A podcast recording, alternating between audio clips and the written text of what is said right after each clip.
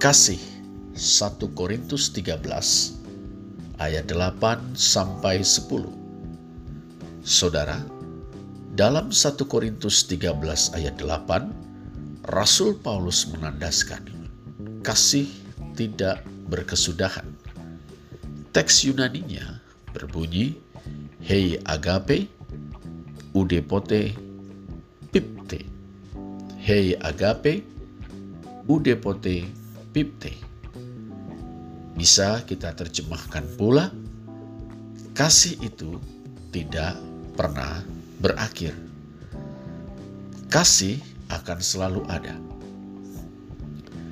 Tidak akan menjadi tiada sampai kapan pun.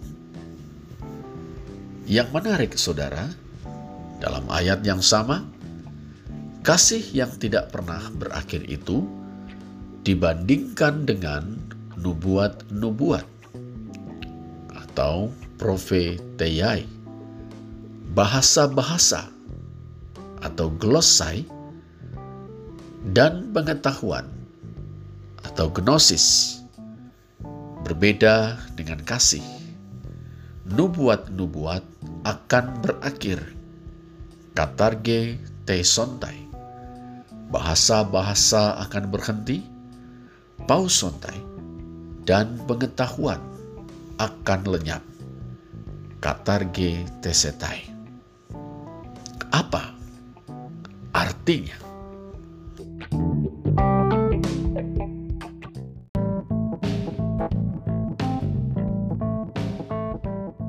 Pertama, saudara, Rasul Paulus menyinggung ihwal pengetahuan atau gnosis. Salah satu hal yang sangat dibanggakan, bahkan dimegahkan oleh sejumlah anggota jemaat Korintus.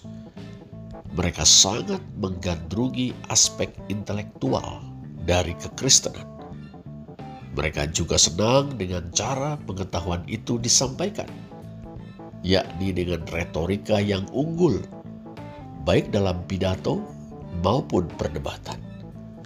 Rasul Paulus sendiri mengatakan bahwa jemaat Korintus telah diperkaya dalam Kristus. Eplo tistete en auto. Eplo tistete en auto telah diperkaya dalam dia, yaitu Kristus, yakni dalam segala perkataan dan segala pengetahuan. En pantilogo, kai pase gnose, en pantilogo, kai pase gnose. 1 Korintus 1 ayat 5. Ia bahkan menyebut perkataan pengetahuan atau logos gnoseos sebagai salah satu karunia rohani.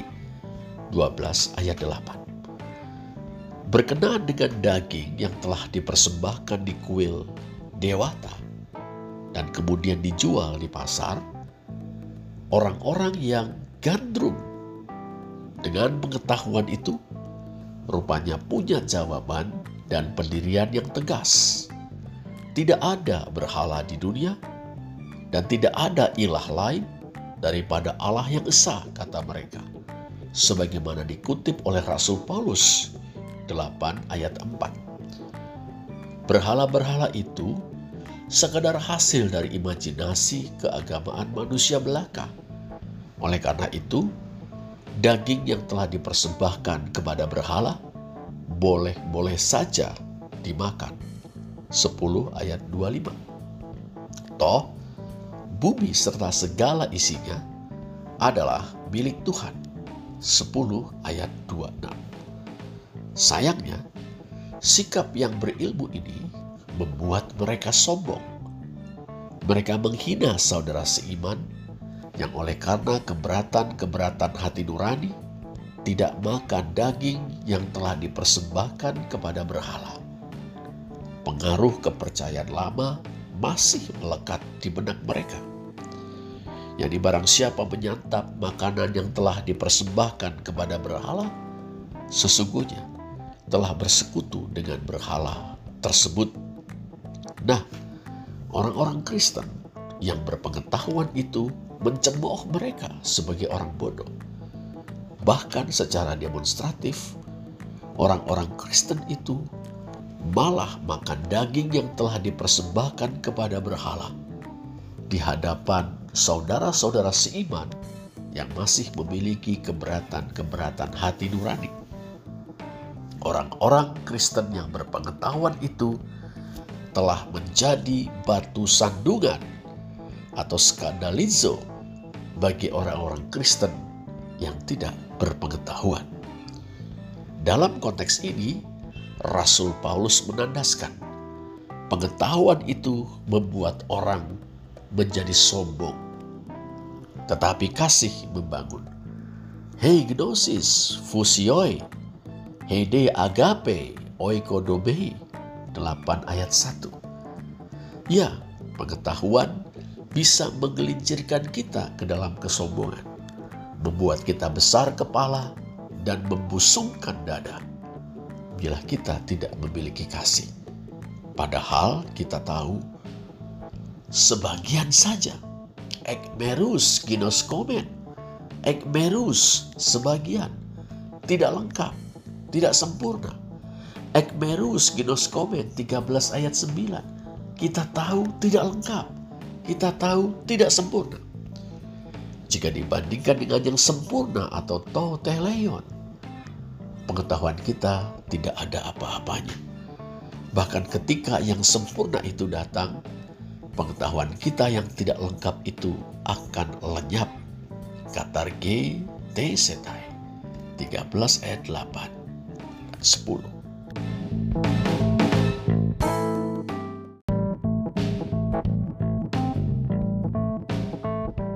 Kedua, saudara, tentang bahasa-bahasa atau glosai. Selain penduduk setempat, jemaat Korintus terdiri dari para perantau dari berbagai bangsa. Orang-orang Yunani, Romawi, Yahudi, dan lain-lain ada di sana. Para perantau ini memiliki bahasa-bahasa ibu, yakni bahasa-bahasa yang dipakai di negeri asal atau kampung halaman mereka. Beberapa orang di antara mereka menggunakan bahasa-bahasa ibu mereka untuk berdoa, mengucap syukur, dan memuji Tuhan dalam pertemuan ibadah atau kebaktian umum.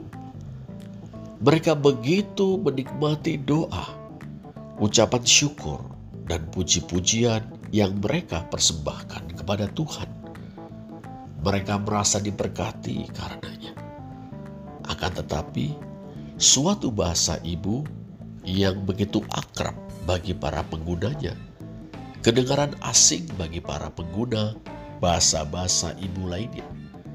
Mereka tidak mengerti apa yang dikatakan oleh orang-orang yang sedang berdoa, mengucap syukur, dan memuji Allah dengan menggunakan bahasa-bahasa ibu masing-masing. Akibatnya, manfaat bahasa-bahasa itu terbatas pada para penggunanya. Penggunaan bahasa-bahasa ibu dalam ibadah di sebuah jemaat multi etnis bila tidak diterjemahkan tidak membangun jemaat. Ketika tiap-tiap orang serempak berdoa, mengucap syukur, dan memuji Allah dalam bahasa-bahasa ibu masing-masing. Pertemuan ibadah atau kebaktian umum itu menjadi kacau balau. Rasul Paulus sendiri memiliki pandangan yang positif terhadap bahasa-bahasa. Ia menyebut jenis-jenis bahasa gene glosson 1 Korintus 12 ayat 10 dan 28. Ia berkata-kata juga atau menyinggung perihal berkata-kata dengan bahasa-bahasa. Glosais lalusin 12 ayat 30. Ia menyebut jenis-jenis bahasa di antara karunia-karunia rohani atau tak karismata 12 ayat 4 dan 31.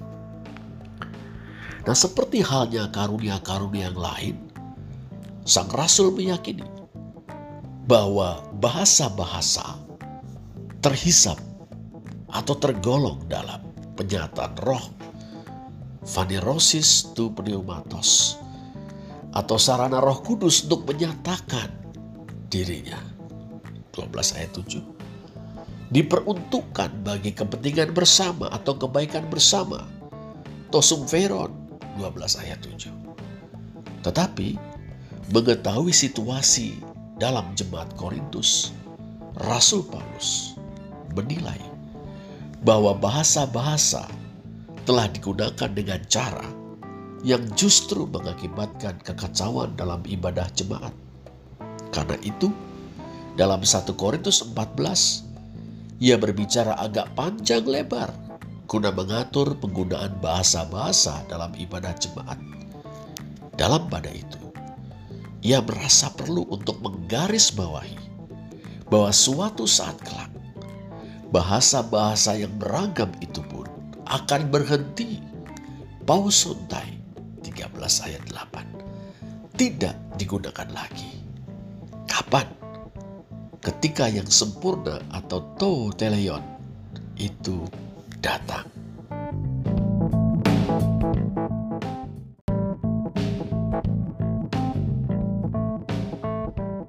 Ketiga, saudara, Rasul Paulus menyatakan bahwa di samping pengetahuan dan beragam bahasa itu, ada nubuat. Dalam 1 Korintus 12 ayat 10, ia menyebut nubuat sebagai salah satu karunia rohani. Menurut sang rasul, karunia ini sangat jelas manfaatnya bagi kehidupan jemaat. Orang yang bernubuat, membangun, menasihati, dan menghibur jemaat 14 ayat 3 dan 4. Melalui nubuat, orang-orang percaya belajar bersama dan saling menguatkan. 14 ayat 31. Bahkan orang yang belum percaya tetapi sedang mencari pegangan hidup bisa tertolong untuk datang kepada Tuhan Yesus dengan mendengarkan nubuat. 14 ayat 24. Mengapa nubuat jelas bermanfaat bagi jemaat. Sebab nubuat disampaikan dalam bahasa yang dimengerti oleh semua orang. Disampaikan dengan lingua franca atau bahasa pengantar. Dalam konteks zaman itu, bahasa Yunani koine yang juga digunakan untuk menulis kitab-kitab dan surat-surat perjanjian baru. Jadi di samping bahasa ibu yang hanya dimengerti oleh para penggunanya, ada bahasa pengantar lingua franca, yaitu bahasa Yunani Koine. Dalam pada itu, toh Rasul Paulus juga menggarisbawahi bahwa seperti halnya pengetahuan, nubuat-nubuat pun tidak lengkap Ekmerus 13 ayat 9. Nubuatan-nubuatan yang tidak lengkap, tidak ada apa-apanya bila dibandingkan dengan yang sempurna atau tau teleon. Bahkan, seperti halnya pengetahuan, nubuatan-nubuatan akan berakhir atau lenyap. Katar G. Tesontai 13 ayat 8. Kapan? ketika yang sempurna atau toteleon itu datang.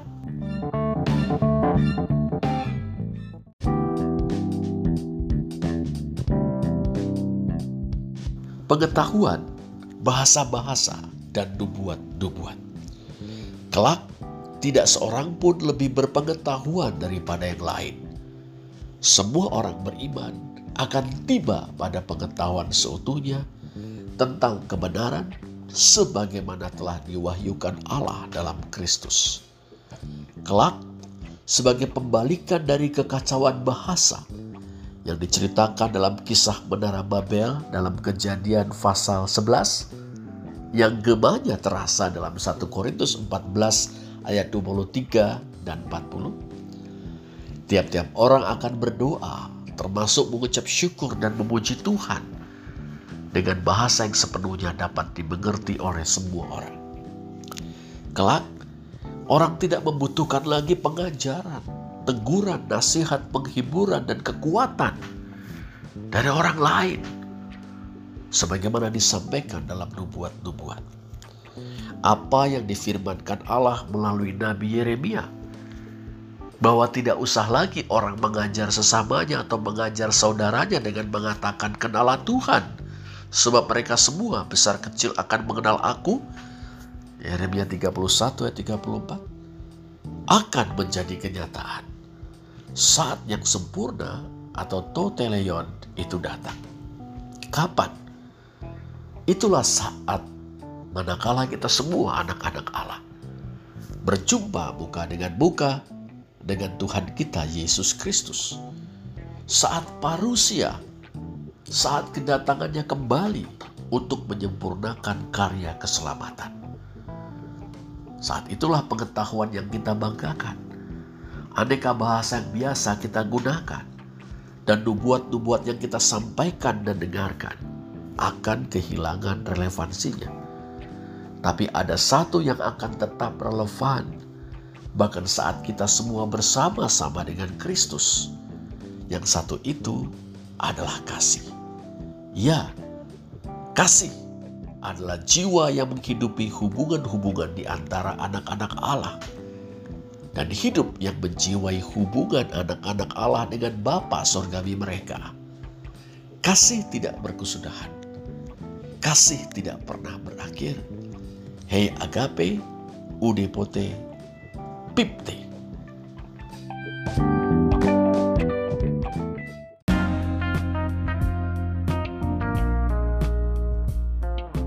Sekarang saudara, mari kita belajar mempraktikkan kasih itu.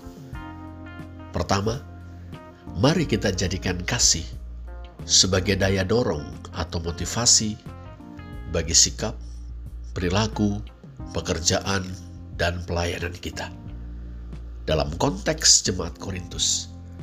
Karena kasih, orang yang memiliki pengetahuan menolak untuk menjadi sombong, tidak menganggap orang lain bodoh, dan berusaha untuk tidak menjadi batu sandungan bagi orang lain. Sebaliknya, ia ingin agar pengetahuannya menjadi berkat, bermanfaat bagi orang lain. Cekak aus, pengetahuannya membangun. Karena kasih, orang yang merasa lebih afdol berdoa, mengucap syukur atau memuji Tuhan dengan menggunakan bahasa ibunya. Sekarang ingin menjadi berkat bagi jemaat. Oleh karena itu, ia merasa perlu memiliki karunia untuk menerjemahkan, mengartikan, atau menafsirkan bahasa ibu supaya dapat dimengerti seluruh jemaat. 14 ayat 13 1 Korintus. Atau ia akan memastikan apakah ada dua atau tiga orang yang dapat menerjemahkan, mengartikan, atau menafsirkan perkataan-perkataannya. Ia membutuhkan orang lain yang memiliki karunia menerjemahkan bahasa-bahasa atau hermeneia gloson, hermeneia gloson 12 ayat 10, 30, 14 ayat 27. Bila tidak ada, ia akan memilih untuk berdoa, mengucap syukur, dan memuji Tuhan di dalam hatinya. 14 ayat 28. Ketimbang menimbulkan kebingungan bagi saudara-saudara seimannya di dalam kebaktian itu. Karena kasih, orang bernubuat. Karena ingin menjadi berkat bagi jemaat. Karena kasih, ia ingin membangun, menasihati, dan menghibur jemaat. 14 ayat 3. Demikian pula kita di sini dan kini. Karena kasih, kita merawat keluarga kita masing-masing sebaik-baiknya. Karena kasih, ketika kita bersikap jujur dan selalu berusaha melakukan yang terbaik dalam pekerjaan kita. Karena kasih, kita memperlakukan orang lain dengan penuh penghargaan. Karena kasih, kita bersedia berbagi. Karena kasih, kita mengembangkan solidaritas dengan sesama kita yang miskin, yakni yang terhisap, tertindas, terpinggirkan, terdiskriminasi. Karena kasih, kita menyingsingkan lengan baju, cancut tali wondo. Karena kasih, kita bertolong-tolongan dalam memikul beban sehingga dapat memenuhi hukum Kristus. Galatia 6 ayat 2. Karena kasih, kita bahu-membahu berkotong royong, holopis kuntul baris, membangun gereja kita menjadi komunitas yang kuat secara spiritual dan berdampak secara sosial. Karena kasih, kita bersama-sama menjadi kesaksian tentang Kristus, memasyurkan Injil Kristus.